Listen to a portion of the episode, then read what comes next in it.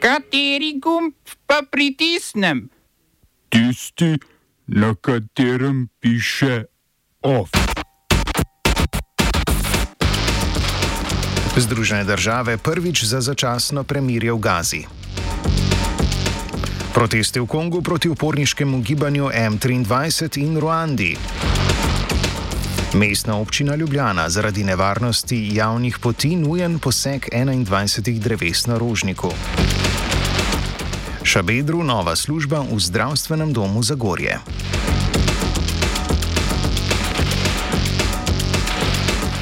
Jo, izraelska vojska je streljala na palestince, ki so čakali na humanitarno pomoč ob obali na severu Gaze. Pri tem je vsaj enega ubila in deset ljudi ranila. Ministrstvo za zdravje v Gazi je sporočilo, da je število mrtvih od 7. oktobra preseglo 29 tisoč. Združene države Amerike so medtem v Varnostnem svetu Združenih narodov predlagale resolucijo za premirje v Gazi in proti načrtovanemu izraelskemu napadu na Rafo. To je prvič, da so američani uporabili besedo premirje na mesto humanitarna pauza. Svojo resolucijo so Združene države predlagale potem, ko je resolucijo za premirje v Gazi vložila Alžirija s podporo arabskih držav. Ta zahteva takojšnje premirje in izmenjavo izraelskih talcev v Gazi za palestinske zapornike v Izraelu, na drugi strani pa ameriška resolucija še vedno govori zgolj o začasnem premirju in Izraelu ne postavlja konkretnih rokov za prekinitev ognja.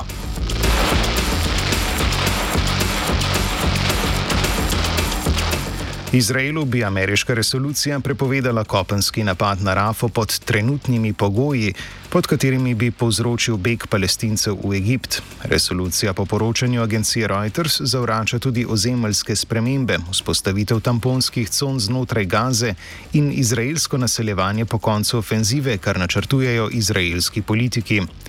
Ameriška resolucija talcev in zapornikov ne omenja, saj je, kot je povedala ameriška veleposlanica pri Združenih narodih Linda Thomas Greenfield, to zanje stvar pogajanj z Izraelom, ki še potekajo v Kajru.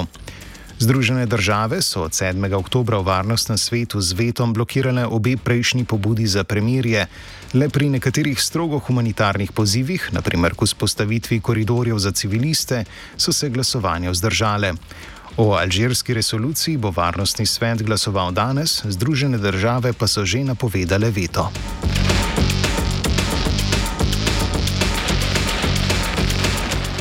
Kitajska centralna banka je obrestno mero za hipotekarne kredite znižala za četrt odstotka. Gre za največje znižanje od uvedbe ločene hipotekarne obrestne mere leta 2019. Obrestne mere za ostala posojila ostajajo nespremenjene. Znižanjem hipotekarnih obrestnih mer želi s tem poceniti hipotekarne kredite in spodbuditi nakupe nepremičnin. Oblasti so konec prejšnjega leta banke pozvale naj povečajo število odobrenih kreditov zasebnim nepremičninskim in gradbenim podjetjem, da bi spodbudili investicije. Nepremičninski sektor prispeva do 30 odstotkov kitajskega bruto domačega proizvoda, a je dejavnost v tem sektorju v zadnjih treh letih zaradi neuzdržnih posojil gradbincev manjša.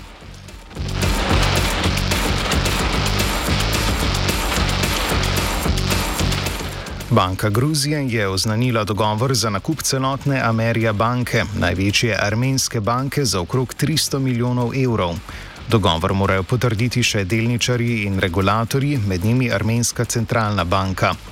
Trenutno je 49-odstotni lastnik Amerija banke ruski milijarder armenskega porekla Ruben Vardanjan.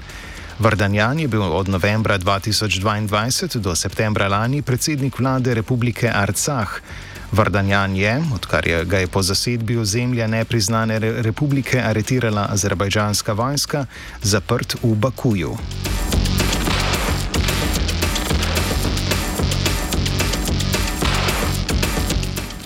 V obmejnem mestu Goma na vzhodu Demokratične republike Kongo so se zbrali protestniki, ki so se žigali ter teptali zastave držav Evropske unije in Združenih držav Amerike.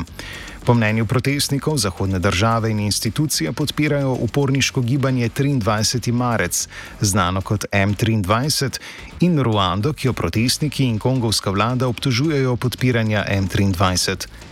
V okolici Gome potekajo spopadi med M23 in kongovsko vojsko, zaradi katerih je v tem mesecu domove zapustilo več kot 100 tisoč ljudi. Skupino M23 večinoma sestavljajo Tutsi, ki so se leta 2012 odcepili od kongovske vojske in poskušajo prevzeti nadzor nad naravnimi resursi v vzhodnem Kongu. M23 se med drugim bojuje proti paravojski demokratične sile za osvoboditev Ruande, sestavljene iz hutujskih prebežnikov.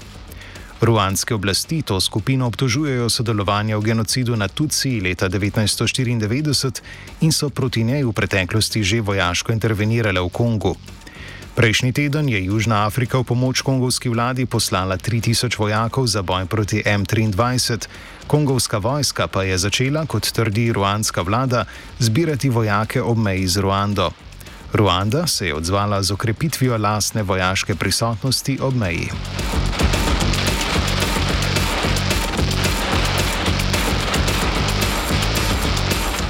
Še na zahod Afrike. Gvinejska vojaška hunta je razpustila vlado Bernarja Gumuja. Ministri odhajajoče vlade morajo predati svoje dokumente in vozila, zamrznili so jim tudi bančne račune. Vojaška hunta je varnostnim silam ukazala naj zaprejo državne meje, dokler ministerstva, ki jih do oblikovanja nove vlade vodijo nekdani nižji uradniki, ne bodo v rokah hunte. Hunta je na oblast prišla z državnim udarom leta 2021, v katerem je odstavila predsednika Alfa Kondeja. Predsedniško mesto je zasedel poveljnik specialnih sil Mamadi Dumbuja, hunta pa je na to nastavila vladne funkcionarje iz vrst politikov. Smo se osamosvojili, nismo se pa osvobodili. Naslednje število je še 500 projektov. Izpiljene modele, kako so se strani nekdanje LDS rotirali. Ko to dvoje zmešamo v pravilno zmes, dobimo zgodbo o uspehu. Takemu političnemu razvoju se reče udar. Jaz to vem, da je nezakonito, ampak kaj nam pa ostane? Brutalni obračun s politično korupcijo. To je Slovenija, tukaj je naša zemlja, to je Slovenija, Slovenija, Slovenija. Na podrožniški poti v ukrajinskem parku Tivoli, Rožnik in Šišenski hrib jutri začenjajo sečnjo 21 dreves z namenom zagotavljanja varnosti obiskovalcem. Posekali bodo oslabljena, bolna in nevarna drevesa, nekatera bodo obrezali ter z njih odstranili suhe veje. Podrobneje je sečnjo pojasnil Juri Kobe z občinskega oddelka za gospodarske dejavnosti in promet. Zavod za varstvo narave, Zavod za gozdove Slovenije, služba Krajinski park Tivoli Rožnik Šišanski hrib in uh, mestna občina smo določili, da je potrebno zaradi nevarnosti na javnih poteh nujno odstraniti še 21 dreves. Ta drevesa bomo odstranili do začetka vegetacijske sezone, Prizadevamo si to izvesti čim prej, eh, najkasneje pa bo to izvedeno do konca marca 2024.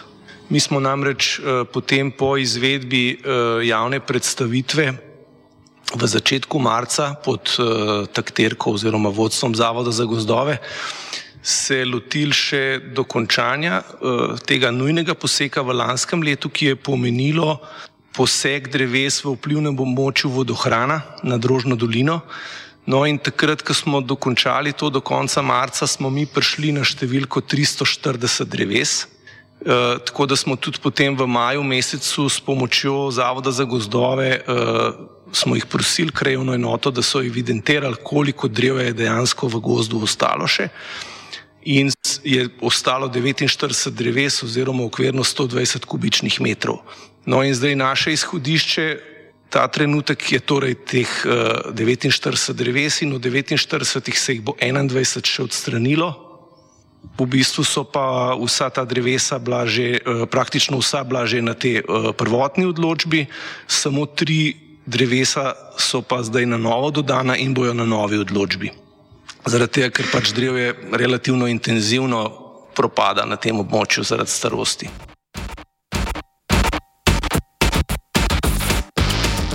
Na tem območju so večino dreves med decembrom 2022 in marcem lani že posekali. Inšpektorica za vode in naravo je sečnjo tokrat ustavila, čež da bi morala Ljubljanska mestna občina poleg dovoljenja Zavoda za gozdove Slovenije pridobiti še dovoljenje Zavoda Republike Slovenije za varstvo narave. Tudi Ministrstvo za naravne vire in prostor je na to ugodilo pritožbi mestne občine Ljubljana na odločbo inšpekcije, zaradi česar lahko, kakor trdijo na občini, sečnjo nadaljujejo. V prejšnjem tednu je mestna občina pričela tudi s selitvijo dreves z Linhartove ceste v Šmartinski park. Preselili bodo 25 dreves, 51 pa jih bodo odstranili. Sečni že več kot leto nasprotujejo mladi za podnebno pravičnost, za katere je župan Zoran Jankovič povedal, da imajo vso pravico do protestiranja. Vsem ne moš ugoditi, to je dejstvo. Ne? In če so se odločili, da je treba posekati, bomo posekali. Vso odgovornost prevzemam, ne, absolutno in konec konca sem bil tudi za to izvoljen, da se še vodi to mesto, ne pa da v bistvu probamo ne, okoli vsakega drevesa, da smo pred drevesi, pa kateri koli problemu, ne, nekdo bo vedno proti, tudi gospod Svetine je proti, pa kaj ne naredim jaz, ne, pač ima to pravico. Ne.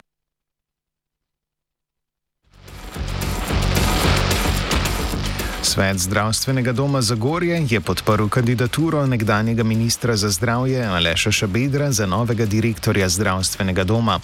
Šabeder za potrditev na to mesto potrebuje še podporo Zagorske občinske komisije in občinskega sveta. Zagorski zdravstveni dom po decembrskem odstopu direktorice Saše Bajda vodi direktor Zagorske občinske uprave Borivoj Grden. Bajda je odstopila po odhodu treh pediatrin, čeprav so med občino in vodstvom zdravstvenega doma komunikacijski šumi obstajali že predtem. Šabeder je bil del ožje ekipe nekdanjega ministra za zdravje Daniela Bešiča Loredana ter je vodil urad za nadzor, kakovost in investicije v zdravstvu. Lanskega julija je vlada Šabedra razrešila.